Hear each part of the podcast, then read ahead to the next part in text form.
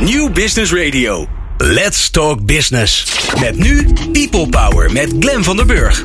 People Power is een programma over de kracht van mensen in organisaties. Met interviews en laatste inzichten voor betere prestaties en gelukkige mensen. Deze week gaat Glen van der Burg in gesprek met... Danielle Brown van de Academie voor Organisatiecultuur. En John van der Zwan, brandweercommandant van Gooi en Vechtstreken, zijn te gast. Dus ja, ik heb me nog nooit zo veilig gevoeld tijdens een uitzending. Want ja, als het misgaat, dan uh, grijpt John gewoon in. Dus het gaat helemaal goed komen. Uh, Danielle Brown, die, uh, die kennen jullie vast wel. Want die is al eerder in de uitzending geweest in september. Ze is schrijfster van het managementboek van het jaar 2016. The Corporate Tribe. En heeft ongelooflijk veel verstand van corporate antropologie. Sterker nog, volgens mij heeft ze bedacht dat die twee woorden bij elkaar passen. Ja, hoe gebruik je dan eigenlijk antropologie binnen een organisatie? En het mooie is, we kunnen dat zelfs vragen aan John. Want die gebruikt dat binnen zijn brandweerorganisatie. Onder meer door kampvuurgesprekken te houden. Nou ja, Naast dat dit het uh, meest uh, brandveilige radioprogramma in Nederland is geworden, ja, zullen dat ook wel de meest brandveilige kampvuren zijn. Fijn dat je luistert naar People Power. People Power met Glen van den Burg. Met in de studio uh, Danielle Brown en, en John van der Zwan. Welkom allebei. Dankjewel. Bijzonder fijn dat jullie er allebei zijn. Um, Danielle, ik begin bij jou. sowieso omdat het altijd dames eerst is. Maar ook omdat jij mij heel mooi kan uitleggen wat corporate antropologie, wat het eigenlijk is. Ja, antropologen die gaan van uh, oudsher naar verre vreemde volken om daar te uh, zien en te horen, te luisteren wat, hoe mensen leven, met elkaar samenwerken, ruzie maken, het weer goed maken. En corporate antropologen doen hetzelfde, maar dan bij organisaties om de hoek. Dus ik bekijk rituelen, omgangsvormen, cultuur, datgene wat mensen mensen maken met elkaar doen. En uh, af en toe als dat niet goed gaat, om te kijken hoe je dat kunt veranderen. En waarom is dat belangrijk om dat te doen binnen een organisatie? Wat heb je eraan? Nou, het gaat een beetje om de soft controls. We zijn gewend om alles in spreadsheets te stoppen. Maar uiteindelijk draait alles om uh, hoe je met elkaar een tribe bouwt. En hoe je met elkaar goede teams vormt. Dus hoe je cultuur vormgeeft. En dat is wat we allemaal voelen. Wat we allemaal weten in ons onderbuik. Maar waar we niet zoveel taal en woorden voor hebben. En antropologen die zijn eigenlijk de hele dag bezig om woorden en taal te geven. En dat onnoembare onderbuikgevoel om dat te benoemen. En maakt dat nou eens heel praktisch voor mij. Wat, wat, wat zie je dan in een, wat zie jij in een organisatie? Je loopt binnen bij een willekeur. Nou, je bent net hier bij ons binnengekomen. Ja. Je, lo- je, je, een paar minuten, dus het is een onmogelijke taak voor jou, maar ik weet dat je dat kan. Je loopt hier binnen, je loopt die studio in en, en dan ja, zie, je, zie jij al wat? Zie je al iets van wat hier gebeurt dat je denkt van ja, zie je, dat is dat, daar, dat, dat is dat cultuur. Nou ja, absoluut wel. Je ziet verwantschapssystemen. Dus, dus veel mensen die zien als ze een groep mensen om een tafel zien zitten, zien ze functies of functiebeschrijvingen of, of uh, formele rollen, organogrammen. En ik zie verwantschapssystemen. Dus ik zie dat jij en Doekes best wel dik zijn. En ik zie een soort informeel uh, contact met elkaar. Ik zie dat ik uh, al een keer ontzettend leuk bij jou terecht ben geweest met Doekes. En dat ik dat heel leuk vond. En dat er dan al een soort meer familiaal iets is dan de vorige keer. Dus dat eigenlijk je al heel snel in de tribe opgenomen ja. wordt uh, na één keer. Dus dat, dat zijn dingen waar antropologen op letten. Op ranking.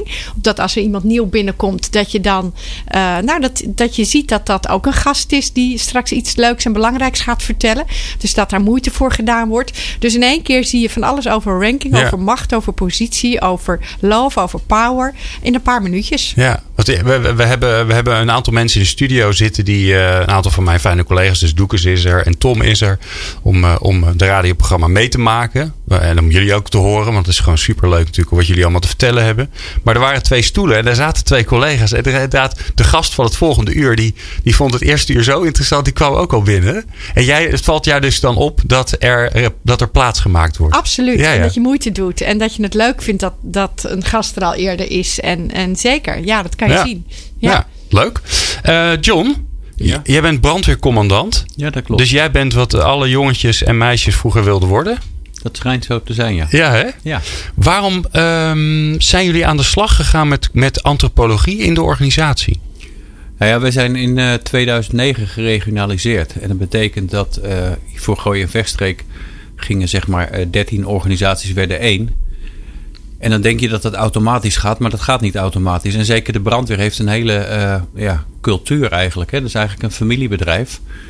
Vroeger was het een gemeentelijke brandweer. En dat ging van vader op zoon of vader op dochter later. En dan zie je dat daar allerlei uh, verbanden zijn. En uh, wat je ziet is van, je kan technisch wel denken van, goh, we gaan er één organisatie van maken. Maar dat is lastiger dan in de praktijk dan in de theorie. En waar merkten jullie dat dan aan? Wat ging er mis? Waardoor je dacht, nou, we moeten wat gaan doen?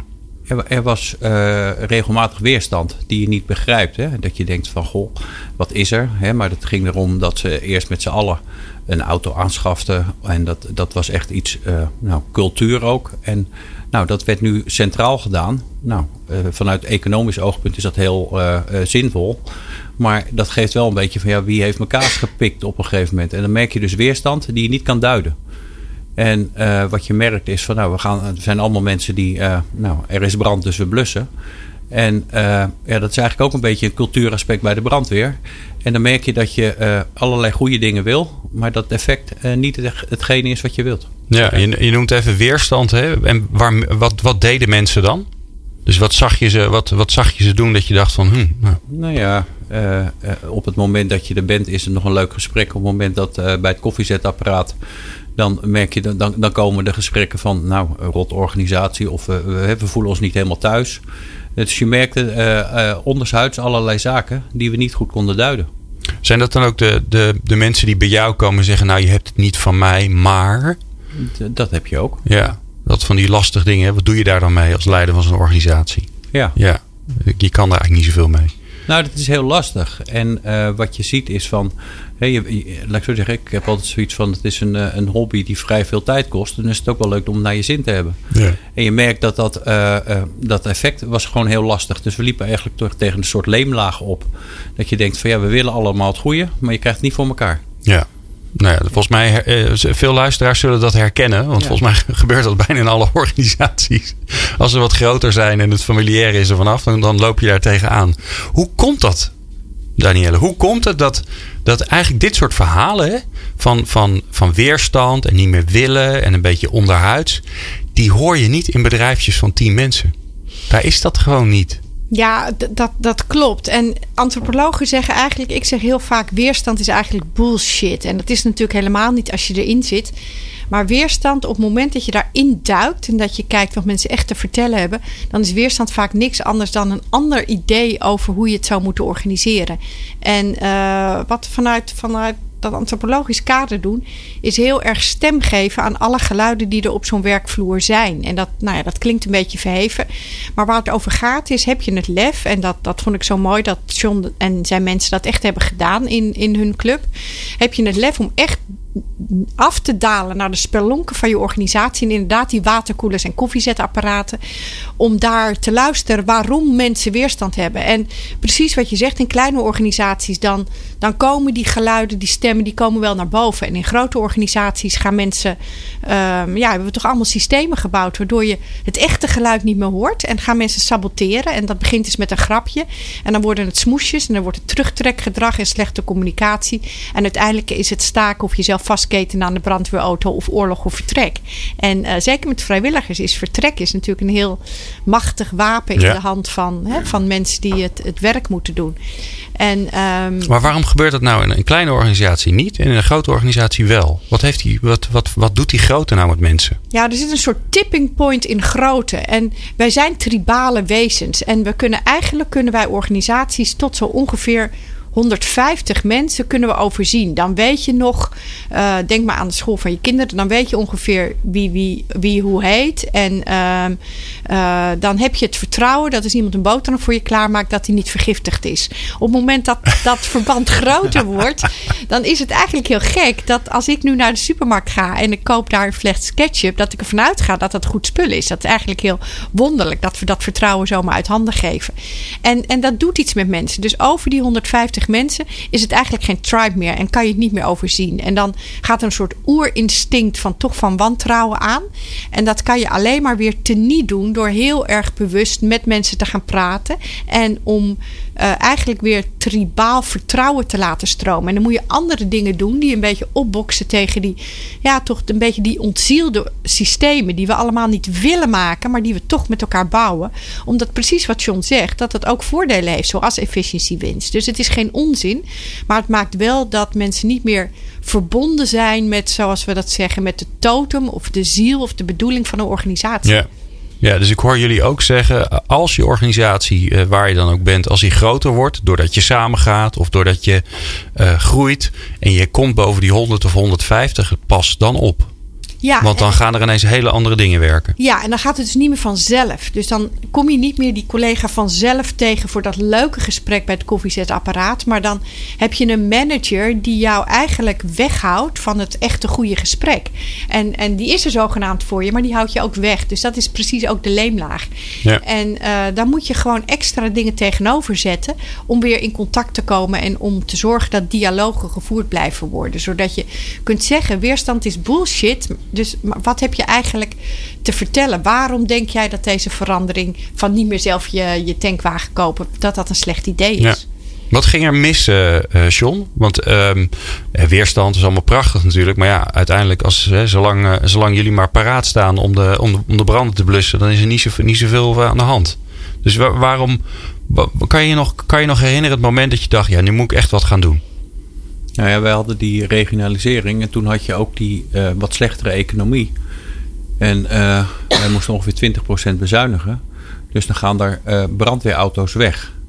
Nou, er is niks ergens wat je kan doen bij de brandweer is dan, dan een voertuig weghalen. En dan zie je dus dat de weerstand in eerste instantie nou, niet zichtbaar is. Maar op een gegeven moment werd dat dus echt zichtbaar. En kregen we dus artikelen in de krant en al dat soort zaken. En dan ja, technisch klopt het, maar in de cultuur heeft dat echt iets van, ja, eh, er wordt nu eens bij ons afgepakt. Dus en een regionalisering en bezuinigingen, dat zijn eigenlijk twee eh, processen die uh, nou, elkaar versterken. En dan zie je, zie je dus alles wat er is, hè, wat, wat Daniel heeft uh, noemt over sabotage, zie je dan veel sterker naar voren komen. En dan merk je dat de sfeer gewoon niet goed is. Nee, nee lijkt, me wel, lijkt me wel lastig, want het, het kan me ook wel weer voorstellen dat dat wat er ook aan de hand is, als er, als er glazer is en er is ergens brand, dan is alles weg, toch? Dan, dan heb je toch maar één doel met z'n allen en dan, uh, dan stap je daar overheen. Nou ja, dat is een correcte constatering. Dat is het voordeel bij de brandweer. Op het moment dat er echt wat is, dan uh, zijn ze aan het werk en dan, dan, dan, dan is alles ineens weg. En dat uh, is het mooie. Maar op de andere momenten zie je dat terugkomen. Kijk, uh, wat dat gaat, wil je toch ook dat iedereen een beetje leuk met elkaar omgaat. Ja, zeker. Nou ja, we, we weten wat er aan de hand was bij, bij John. En we weten ondertussen wat corporate antropologie een beetje is. En dan gaan we straks natuurlijk kijken. Ja, wat, wat doe je dan? Hoe, hoe begin je dan? Waar begin je dan? Hoe pak je het aan? En dat hoor je straks. People Power. Inspirerende gesprekken over de kracht van mensen in organisaties. Met Glen van der Burg. En Danielle Brown eh, van Academie voor Organisatiecultuur. En John van der Zwan, brandweercommandant van Gooi en. Die zijn uh, te gast uh, hier bij People Power. En we, we praten over, ja, over corporate antropologie. Hoe je die, de antropologie kan gebruiken in je organisatie. Om, ja, we hadden het net heel erg over weerstand. Hè. Het ging over, over, de, over de samenvoeging van een aantal brandweerkorpsen. En dan, ja, dan krijg je altijd gelazer en gedoe. En iedereen zal dat wel herkennen. Nou, daar hebben we het nu genoeg over gehad. Vervolgens moet je in actie komen. Dus de grote vraag is dan, uh, John, waar begin je dan? Ja, dat, dat is lastig. En ik uh, sprak uh, Danielle en die, die zei van ja, hè, de meeste reorganisaties mislukken doordat mensen niet goed naar elkaar luisteren, niet zien welke cultuur erin is. En uh, toen had ze het over kampvuurgesprekken. En, uh, nou, dat sprak jou wel aan. Nou ja, dat is een beetje een tegenstelling. Hè? Brandweer- en kampvuurgesprekken. Maar uh, wat ik daar krachtig in vond, is dat je eigenlijk, nou eigenlijk, het is een methode om verplicht naar elkaar te luisteren. En wat je natuurlijk natuurlijk hebt, is als iemand kritiek op je heeft, dan reageer je. Hè? En, nou, en eigenlijk bij die techniek van die kampvuurgesprekken is het dus eerst luisteren naar wat iedereen te zeggen heeft. En niet alleen die twee, drie die altijd wat zeggen, maar iedereen. En uh, nou, dat, dat, dat is een techniek, maar die, die, die zorgt dat je heel goed luistert wat er nou echt speelt. Ja. En uh, nou, dat heeft geholpen. Alleen we hebben gezegd van ja, we, we, laten het niet door Danielle doen, maar we leiden onze mensen, trainen we om het zelf te kunnen doen. Oké. Okay. En want anders komt er een adviseur, die geeft een goed advies of die doet iets goed en dan is het weer weg. En dat heeft wel, uh, was wel de kracht. En het was met name op het brandweerproces. En de mensen die op bedrijfsvoering, dus op financiën zaten, die hebben dus zeg maar, hebben ook de rol gedaan dat ze dat konden begeleiden. Dus dan zie je ook een soort integratie binnen je organisatie ontstaan. Oké. Oké, even, eh, dan even terug naar de kampvuurgesprekken. Want iedereen ziet het voor zich. Hè? Gitaartje erbij. Nou, die, dat waarschijnlijk dan nog net niet. Dat nog net niet. Maar hoe, hoe werkt het? Hoe, hoe ziet een kampvuurgesprek eruit? Ja, een kampvuurgesprek is eigenlijk een Afrikaanse volksraadpleging. Een legotla zou je kunnen, het heet het in, eh in Afrika. gotla? Legotla. Ja, het is eigenlijk met zo'n klikklank, Ja, maar le- die kan ik le- niet. Een legotla. Ja, Ja. Dat, dat is heel onuitsprekelijk voor mij. En wat je doet is dat eh, je zet een, een manager, een leider, iemand die een vraag heeft, bijvoorbeeld John, of een, een teamchef bij de brandweer bijvoorbeeld, die zet je eh, in het midden. En vervolgens zet je ehm, het team, teamgenoten, teamleden, die zet je in een kring eromheen. En het wordt eigenlijk gebruikt in Afrika om een chief van een dorp, van een tribe, om die heel goed naar zijn tribe te laten luisteren als hij een probleem heeft. En wat je eigenlijk doet, is dat je alle stemmen heel systematisch ophaalt. Dus er wordt niet gedebatteerd. Mensen vallen elkaar niet in de reden. Maar volgens een bepaalde eh, nou ja, ritme eigenlijk... ga je omst de beurt zeggen wat je te zeggen hebt... in antwoord op de vraag die een chief stelt.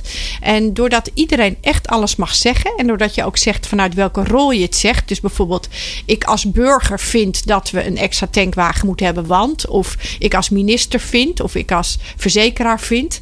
En zo probeer je zoveel mogelijk perspectieven aan, from aan bod te laten komen. Dus wat je eigenlijk doet, is in plaats van wat je vaak in gewone vergadering zegt, dan zeg je nou, het is maandagochtend, ik hoop dat we heel snel klaar zijn, dat we het allemaal heel snel met elkaar eens zijn.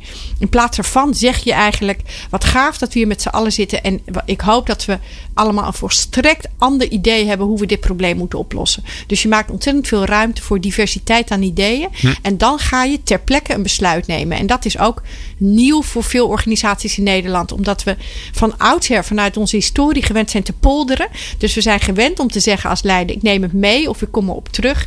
En wat je bij kampvuurgesprekken doet, is heel goed luisteren, maar wel ter plekke een besluit nemen. Dus Oh, het is, het is eh, ja, en, en dat is voor veel leiders is het, het snelle besluiten is nieuw. En wat je dan ziet is dat medewerkers heel blij zijn dat er eindelijk een snel besluit wordt genomen en dat ze echt oprecht naar ze geluisterd is. Ja. En ehm, want jij zegt hè, niet in discussie, dus iedereen doet zijn zegje en, ehm, en absorbeert dat en dat is het. Ja. Dat zal niet meevallen. Nee, dat valt ook niet mee. Dus dan moet je een Dus beetje. hoe zorg je ervoor dat dat dan niet, eh, dat mensen, want eh, ja, het kan best zijn dat, eh, nou, dat de gemoederen kunnen best hoog oplopen. Iemand zegt iets waarvan ik denk, ja, dat is echt, ik ben het er helemaal niet. Ik, ik wil dan al in beweging komen. Ja. Maar dat mag dus niet. Nee, dat mag niet. We, we werken met een talking stick. Dus je werkt met een, een manier om eigenlijk het, het praten te vertragen. Dus je kunt alleen wat zeggen als je het ding te pakken hebt. Nou, bij John was dat natuurlijk prachtig. Ook de brandweerstick af en toe. Ja, ja, ja. Mooie traditionele eh, symbolen hebben ze daarvoor. En dat pas je natuurlijk een beetje aan aan de organisatie. Dus de een wil een prachtige Afrikaanse talking stick. Maar bij eh, een, een grote bank neem je natuurlijk gewoon de stift. Want anders is dat allemaal veel te soft. Ja, of een Dus pak geld. Of een pak geld of Ja. een, eh, of een, een luciferdoosje, maakt allemaal niet uit. En, ehm, en, en je kunt dus alleen maar zeggen als je, als je dat ding hebt en er is een facilitator bij die zorgt dat alles gezegd wordt en die af en toe de vraag stelt: Goh, als je hier nou straks de zaal verlaat, je staat bij het koffiezetapparaat, wat ga je dan roddelen? En die nodigt ook uit soms om met een collega Ja, ja. even te gaan roddelen en dat dan weer te zeggen. Dus we hebben bij John hebben we mensen opgeleid om dat proces te begeleiden, omdat het. ehm, lef vraagt om datgene te zeggen wat je eigenlijk meestal Ja. in het roddelcircuit zegt. En wat verstandig, John, dat je, dat je daarvoor gekozen hebt om collega's op te leiden om het zelf te doen.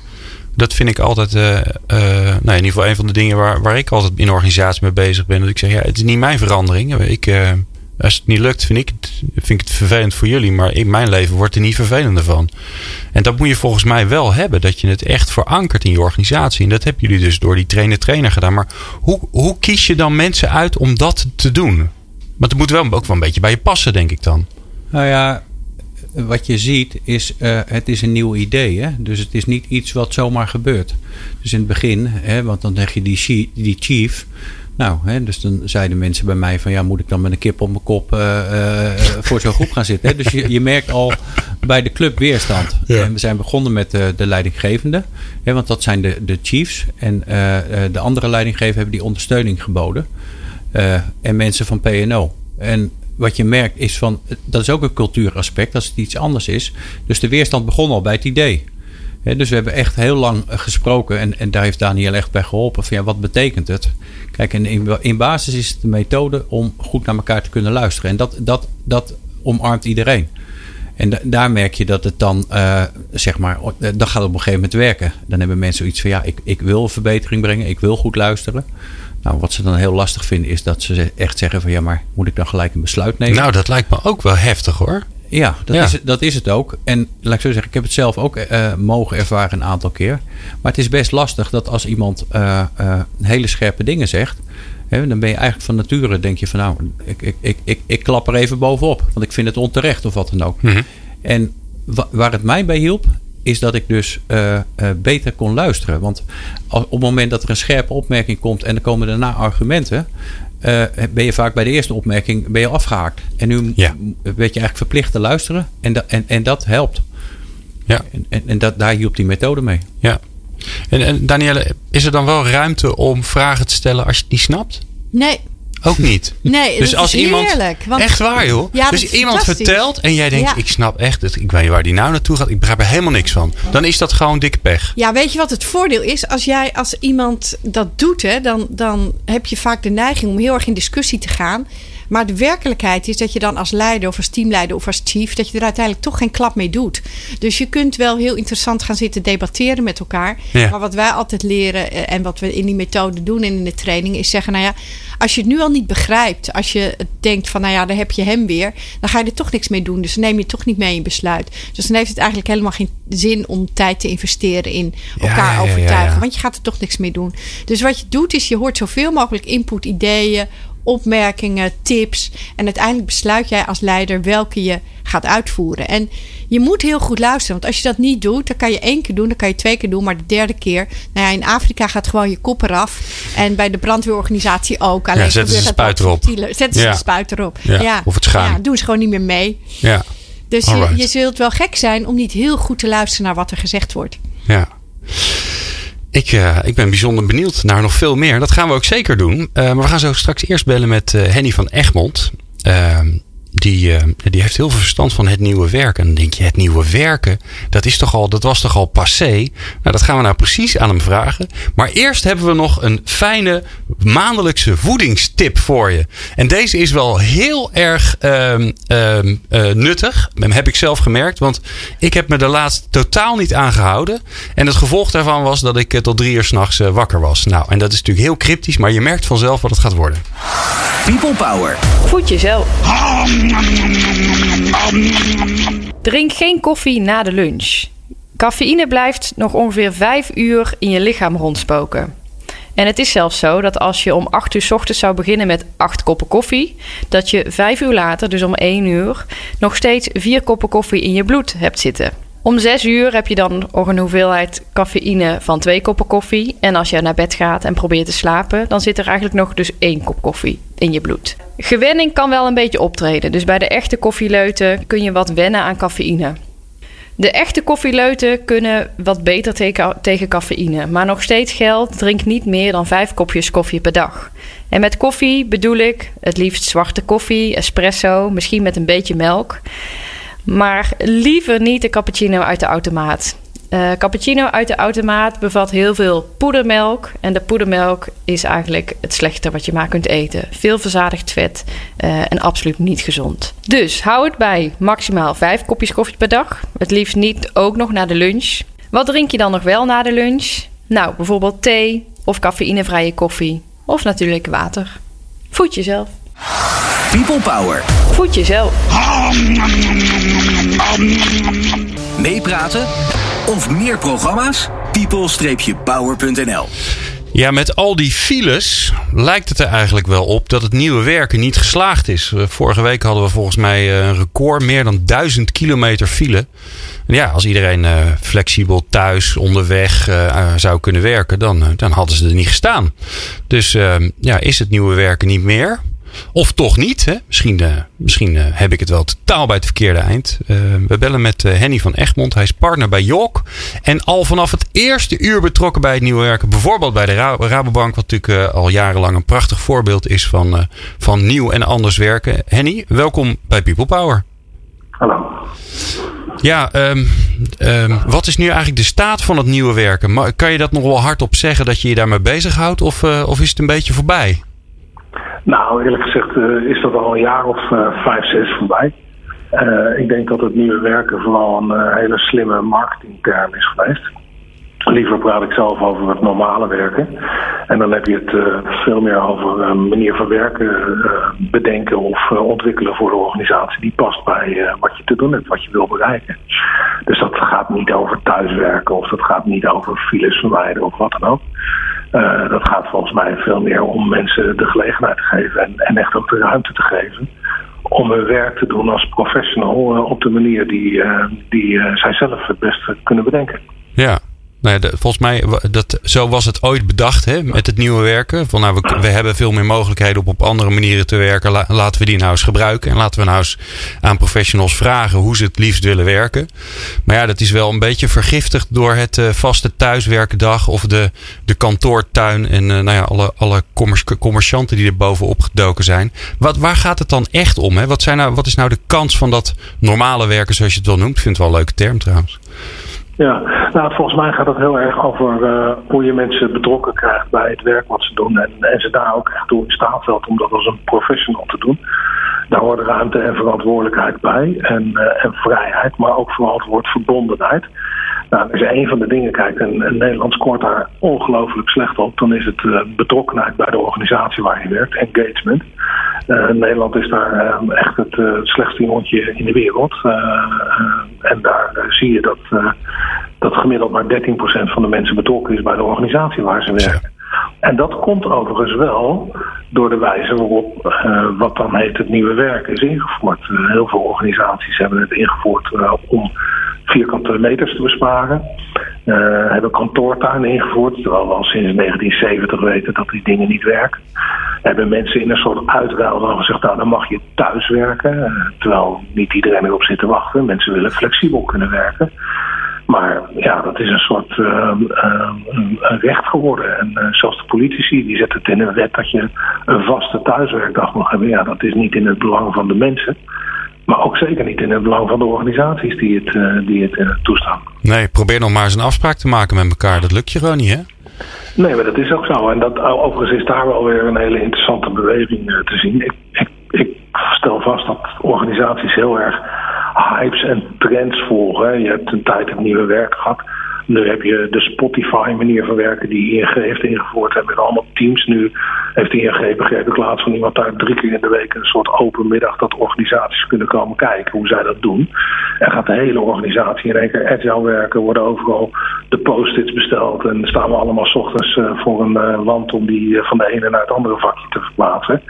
En dat is eigenlijk heel gek, want dat is een manier van werken die uit de ICT-wereld komt. En als er nou iets is wat je virtueel heel goed zou kunnen doen, is het dit deze vorm van samenwerken. Maar je ziet dat organisaties krampachtig allemaal diezelfde manier van werken en dan en, uh, willen invoeren. En ze eigenlijk heel erg zoekende zijn naar wat is nu de beste manier van werken voor mijn organisatie. Ja. En hoe pak jij dat dan aan? Stel je voor dat jij wordt gebeld door een klant en die zegt ja, ik, iets, iets met het nieuwe werken, maar toch niet. We, we weten het eigenlijk even niet meer. Nou, heel vaak gaat het dan over thuiswerken en elkaar niet meer kunnen vinden en uh, geen afspraken kunnen maken. Nou, al die dingen die je net noemde. En ik probeer dan altijd toch de vraag achter de vraag te vinden. Dus uh, het komt tot op de dag van vandaag voor dat ik gebeld word door een organisatie die zegt: Ja, wij moeten ook aan het nieuwe werken beginnen. Komt u dat even bij ons uh, doen? En dan ja, ga ik daar meestal met de directie of met een raad van bestuur in gesprek. En dan is de eerste vraag: van waarom zou u dat eigenlijk willen? En dan zeggen ze, ja, samenwerking in de organisatie is niet zo goed. Of uh, we merken dat mensen niet tevreden zijn. Of uh, we merken dat dit of dat speelt. Nou, en dan is het de allereerste vraag, wat is daar dan precies aan de hand? Wat speelt hier nou dat die samenwerking niet van de grond komt, terwijl die kennelijk wel noodzakelijk is? En volgens mij kun je dat alleen maar vaststellen, wat er aan de hand is, door met de mensen in die organisatie in dialoog te gaan en te onderzoeken waarom ze niet doen wat iedereen van ze verwacht. En dan merk je pas wat, de echte problemen zijn. Dan blijken er allerlei uh, sturingsvraagstukken te zijn. Bijvoorbeeld, ik heb bij een groot ministerie laatst gewerkt en daar wilde men eenheid in beleid. Ja, wat bleek dat elke directeur-generaal die, eh, die werd gestuurd op het realiseren van zijn eigen budget en zijn eigen doelstellingen. Er was geen integrale doelstelling te vinden in het ministerie. Ja, dan kun je niet verwachten dat de medewerkers op een lager niveau dan in één keer gaan samenwerken. Dus dat zou dan bijvoorbeeld een gesprek kunnen zijn dat ik tegen zo'n bestuur zeg van... Goh, u roept dit wel, Maar u handelt er niet naar. En als u dit werkelijk wil, ja, dan begint het toch echt bij uw eigen handelen te veranderen. Zodat er voor de organisatie het logisch en vanzelfsprekend wordt dat er een nieuwe manier van werken nodig is. Ja, zeg, hoor ik jij dan ook zeggen, um, als het gaat om over anders werken of nieuw werken of normaal werken, hoe je het ook wil noemen, dan begint bijna iedereen bij de middelenkant, bij de, bij de, hoe, de inrichting is, welke spullen, welke ICT en welke afspraken. Terwijl je moet beginnen bij het begin, namelijk hoe wil je überhaupt met elkaar samenwerken en wat willen we met elkaar bereiken? Ja, dat is, dat is, voor mij is dat uh, klip en klaar. Het is onmogelijk om uh, uh, bij de middelenkant te beginnen. En overigens is daar nog een, vind ik zelf ook nog wel een, een, een bijzonderheid. Dan gaat het bij de middelenkant altijd over het gebouw. En dat is vanuit bedrijfsoptiek eigenlijk niet zo gek, hè? want een vierkante of een werkplek kost zomaar in Nederland tussen de 6 en 12.000 euro per jaar. Dus dat is best veel geld. En kan je daar, weet ik wel, 10% van besparen, dan is dat heel veel geld. Maar tegelijkertijd zijn we heel argwanend en terughoudend in het geven van ICT-middelen. Dus um, ik kom nog steeds een organisatie waar ze zeggen: nee, we geven niet iedereen een laptop hoor, of we geven niet iedereen een mobiele telefoon. Terwijl je nou juist wil dat mensen tijd en plaats onafhankelijk kunnen werken, en, en daar heb ik het nogmaals niet over thuiswerken. Ja, dan zou je in die ICT moeten investeren. Een gemiddelde ICT-werkplek kost nog geen 2.500 euro per jaar. En dan stel ik vaak aan zo'n bestuur de vraag van... goh, als uw gebouw nou maar de ICT werkt nog... kan het werk dan doorgaan? Nou, 9 van de 10 gevallen is het antwoord ja. Ik zeg, stel nou dat de ICT niet meer werkt en uw gebouw staat hier nog. Kunt u dan doorwerken? Ja, dan kunnen we helemaal niks meer. Ik zeg, nou, het is toch gek dat u meer geld besteedt aan stenen dan aan ICT. En dat u dat ziet als kosten, terwijl het eigenlijk gewoon werktools zijn waarmee mensen effectiever en efficiënter kunnen werken. En we weten, want dat is wel een belangrijk ding, dat als je mensen flexibiliteit geeft, dat ze uh, eerder uh, tevreden zijn, eerder betrokken zijn, gelukkiger zijn met hun werk, dat ze beter de privé-werkbalans kunnen doen, kunnen regelen. Dus daar zit een enorme impact in als je mensen over de goede systemen laat beschikken. Ja, Kortom, conclusie. Het nieuwe werken is eigenlijk altijd lang passé. Maar uh, sleutelen aan hoe je op een goede manier met elkaar kunt werken. Daar is nog heel veel uh, te winnen. Henny van Egmond, uh, dankjewel voor jouw bijdrage. En we spreken je vast binnenkort wel een keer weer. People Power met Glen van den Burg. En Danielle Brown en John van der Zwan in de studio. Uh, John die is brandweercommandant. En ik heb voor nog nooit. Ik heb al, altijd allemaal mensen die, die dingen doen. Uh, waarvan. Ik zei het net al tegen Danielle een beetje onaardig. Van nou weet je, Danielle. Als jij een slechte dag hebt, is niet zo erg. Maar als John een slechte dag heeft. Dan hebben we. En er breekt brand uit. Dan hebben we een probleem. Dus ik vind dat mooi om mensen te spreken. Die, die gewoon nog echt vakken hebben. Die je kunt uitleggen aan een kind van vier. dus bijzonder fijn dat jullie er zijn. We hebben het over. toch over uh, ja, organisatieverandering. We hebben het over weerstand gehad. We hebben het over de kampvuurgesprekken gehad, John, die jullie uh, georganiseerd hebben toen um, een aantal brandweerkorpsen samen zijn gevoegd. Um, wat levert dat dan op, die kampvuurgesprekken? Wat, wat, wat was er anders nadat, nadat jullie ze gedaan hadden? Nou ja, wat het, waar, waar het bij geholpen heeft, is dat je elkaars wereld snapt en dan snap je uh, wat ze op een post doen, uh, wat je als organisatie wil. En je gaat ook kritisch kijken naar je eigen organisatie. Want we waren, waren met die reorganisatie bezig. En dan heb je uh, dingen over centraal en wil je dingen aansluiten. En toen ging ik mezelf de vraag stellen van... Goh, was het nou allemaal fout gegaan als we niet samen gegaan waren? En die posten die waren heel goed self-supporting. Dus dan zie je ook weer die waarden die er zitten ook op die posten. En het idee dat je er één organisatie van wil maken die heb ik ook laten varen. Omdat je gewoon ziet dat een post in Blarikum is iets heel anders dan in Naarden of in Bussum of, of dat soort zaken. Dus je, je, je gaat scherper kijken en scherper luisteren. En het is heel belangrijk als je elkaars wereld snapt, dan kan je ook naar elkaar toekomen. Dus dat heeft het eh, in ieder geval opgeleverd. Ja, en die weerstand? Nou, die is een stuk minder. Maar dat komt ook omdat uh, het vanuit een waarde is dat je zegt van ja, maar ik, ik waardeer de dingen die jij doet.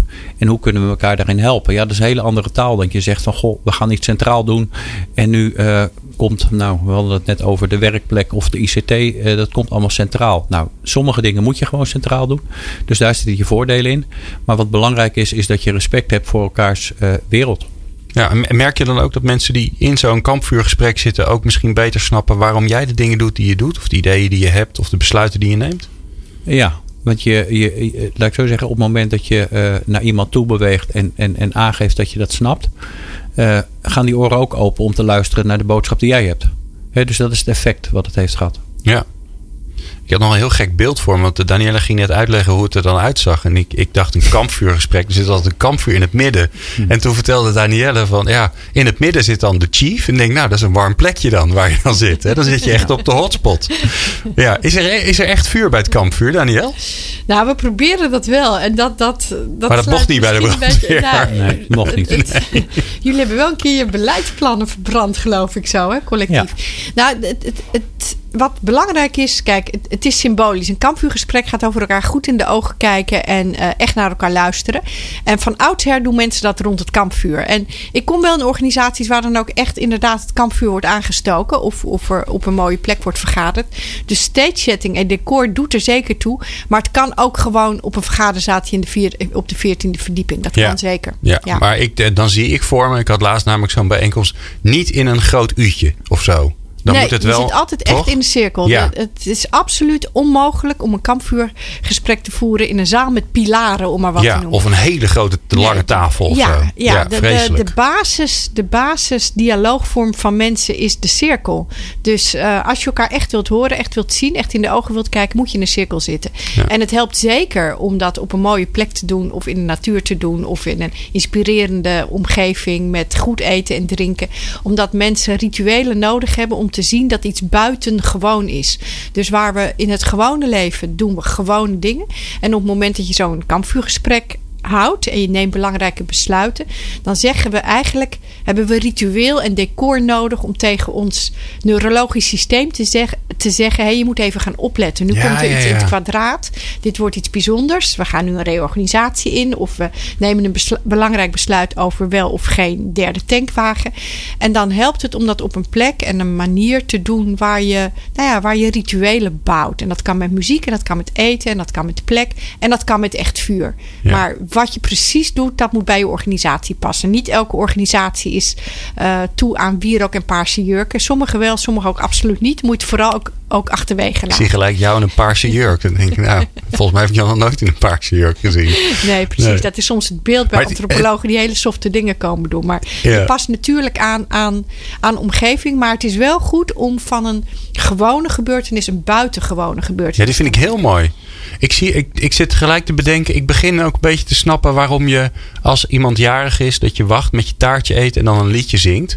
Dat is een soort van signaal naar je hersenen van je moet nu opletten. Er wordt nu een herinnering gemaakt. Precies. Zie ik dan voor me. Klopt. En dat Of slaat dat nergens dag- op? Nee, het slaat heel erg ergens op. Als je een tempel binnenloopt in Japan, dan doe je je schoenen uit. En dat doe je eigenlijk om de overgang te maken tussen de, de vieze, niet-heilige buitenruimte naar de sacrale, heilige binnenruimte. En eh, ook in organisaties kunnen we ontzettend goed ritme en bijzondere momenten, zeg maar, bekrachtigen door een ritueel te doen. Dus je, Ja. doet je doet voor een reorganisatie of een fusie, doe je vaak een kick-off. En wat we soms vergeten is, we hebben er niet eens een woord voor. Je doet nooit een kick-off of een kick-out. Terwijl het helpt om ook dan te zeggen, Ja. hey, zullen we eens even terugkijken? En, eh, Een soort afscheidsceremonie zou je moeten doen. afscheidsceremonie. eh, al ga je maar met je MT na twee jaar eens kijken en zeggen: Goh, waar zijn we eigenlijk gebleven en hoe gaat het? En dat hoeft niet altijd duur te zijn. Dat hoeft geen enorm event te zijn. Dat kan. Maar je kunt ook met je MT zeggen: Zullen we eens even in plaats van in het restaurant broodjes gaan eten in het stadspark en eens even terugblikken met elkaar? Hm. En dat hebben wij mensen nodig om te zien dat er een overgang is. Ja. Als jij nou naar, ehm, eh, want jij loopt rond bij in de organisatie van John, hè, in, de, in de brandweerorganisatie Gooi en Vechtstreken. Ja. Als je daar nou rondloopt, hè, want ik kan me zo goed voorstellen, die, die eh, eh, mannen en vrouwen, die gaan, die wagen hun leven, die, die, die helpen mensen, die maken heftige dingen mee. Hebben ze daar dan iets voor? Dat als, hè, wat ik kan voorstellen, je komt terug van een brand en dan zeg je dan gewoon, zeggen ze dan tegen elkaar. Nou, eh, ja, de tijd zit er weer op. Ik ga weer naar huis. Tot morgen. Of gebeurt er dan iets? Ja, ik vind dat brandweermensen en ook politiemensen, ambulancemensen ontzettend mooie rituelen hebben om met elkaar eh, te zorgen dat de, dat de spanning van het werk en precies als je nare dingen meemaakt, dat die ontzettend goed wordt eh, afgereageerd. En eh, soms is dat voor buitenstaanders moeilijk te begrijpen, want er worden er soms keiharde grappen gemaakt die je ook ziet bij begrafenisondernemers of bij psychiatrisch verpleegkundigen. En als buitenstaander heb je soms de neiging om dat te beteugelen. Dus precies wat John zegt, dan zeg je van nou doe niet zo macho of doe Ja. niet zo stoer.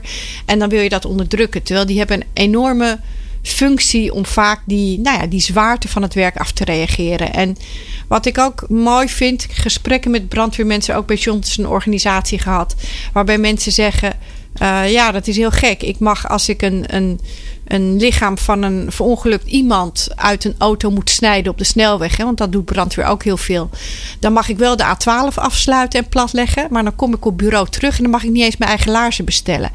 En dat is natuurlijk het hele lastige, waar precies wat John zegt, waar je mee te dealen hebt. Want je wilt efficiëntieslagen maken en bijvoorbeeld centraal inkopen.